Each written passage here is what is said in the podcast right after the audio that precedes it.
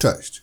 Witam w kolejnym odcinku podcastu po pijaku, który to, dla odmiany, będzie stonowany i spokojny, czyli dokładnie taki, jak książka, o której zamierzam dziś opowiedzieć. A książka ta zwie się Dziwna myśl w mej głowie i jest jednym z najlepiej ocenianych dzieł uhonorowanego przed 16 laty literacką Nagrodą Nobla tureckiego pisarza Orhana Pamuka.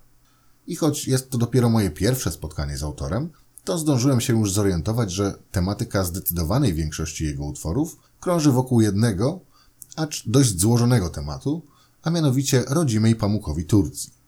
Nie inaczej jest też w przypadku lektury, którą wziąłem dziś na warsztat.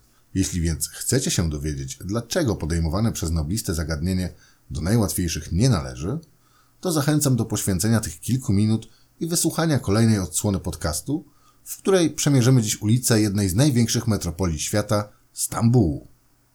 Zapraszam. Miasto znane niegdyś jako Bizancjum, następnie Konstantynopol, a obecnie Stambuł, to jedna z najciekawszych i najbardziej specyficznych miejscówek na całym globie. Już choćby z tego tylko względu, że jako jedyna na świecie położona jest na dwóch różnych kontynentach. I choć część europejska to jedynie malutki skrawek w porównaniu do tej azjatyckiej, to jednak fakty są faktami. Fakty historyczne są z kolei takie, że. No dobra, może nie będę was zanudzał szczegółami, jednak nawet ci, którzy na lekcjach historii przysypiali, nazwy takie jak wspomniane Bizancjum czy Konstantynopol powinny raczej kojarzyć ze swego rodzaju potęgą. I tak jest w istocie, gdyż przez wiele lat miasto to stanowiło centralny punkt ogromnego imperium osmańskiego. Na dzień dzisiejszy Stambuł to tureckie centrum kulturalne, handlowe i finansowe oraz, rzecz jasna, najbardziej zaludnione miasto Turcji z populacją, której liczebność oficjalnie szacowana jest na 15 milionów ludzi, choć mówi się, że stanem faktycznym jest przeszło 20 milionów. Dla porównania, Warszawę zamieszkują około 2 miliony, czyli mówimy tu o dziesięciokrotności najludniejszego miasta Polski. No, ale dobra. Po co w ogóle cała ta gadka rodem z Wikipedii, skoro miało być o książce? Ano po to, że okładkowy opis dziwnej myśli w mojej głowie brzmi tak. Stambuł, żyjący własnym, tajemniczym życiem, wciąż przeobrażający się, pulsujący, a w nim uliczny sprzedawca buzy i jogurtu Mewlut Karatas, który zakochuje się w pięknych oczach pewnej dziewczyny i w swoim mieście. Przez ponad 40 lat, między rokiem 1969 a 2012, Mewlut krąży po Stambule, a my wchodzimy w jego serce, umysł i ruszamy z nim na wędrówkę po jego życiu i mieście. Co jest za rogiem tej uliczki? A tej? Stambuł, jaki rozległy. Gdzie iść? W którą stronę?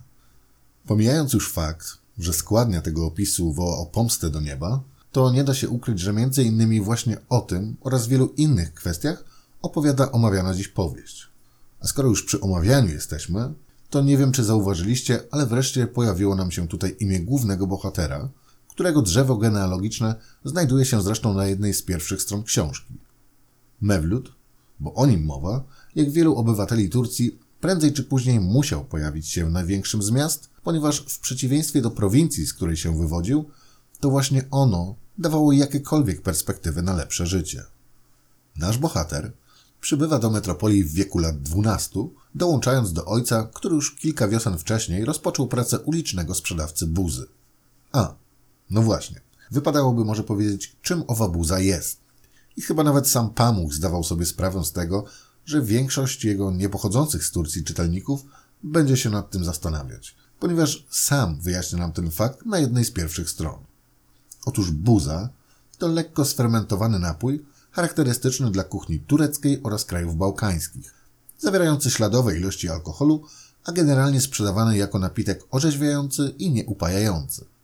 W różnych krajach przyrządza się go z różnych zbóż, np. w Bułgarii z pszenicy i prosa, z kolei w Turcji ze sfermentowanej kukurydzy z dodatkiem cynamonu i pieczonej ciecierzycy. Zanim jednak dojdzie do sprzedawania buzy, na samym początku autor przynosi nas o kilka lat w przód, kiedy to Mewlut uprowadza z rodzinnego domu swą przyszłą żonę. Co ciekawe, przynajmniej tak wynika z książkowych wydarzeń, tego typu akcja nie była w Turcji niczym nadzwyczajnym. Tak więc nasz zakochany po uszy bohater uprowadza piękną Raichę, w której oczach utonął w trakcie wesela kuzyna. Przez trzy lata pisał do wybranki płomienne listy, aż wreszcie się udało. Zakochani uciekają pod osłoną nocy przez ciemny las. Dłonie splecione, głowy pełne marzeń o cudownej wspólnej przyszłości.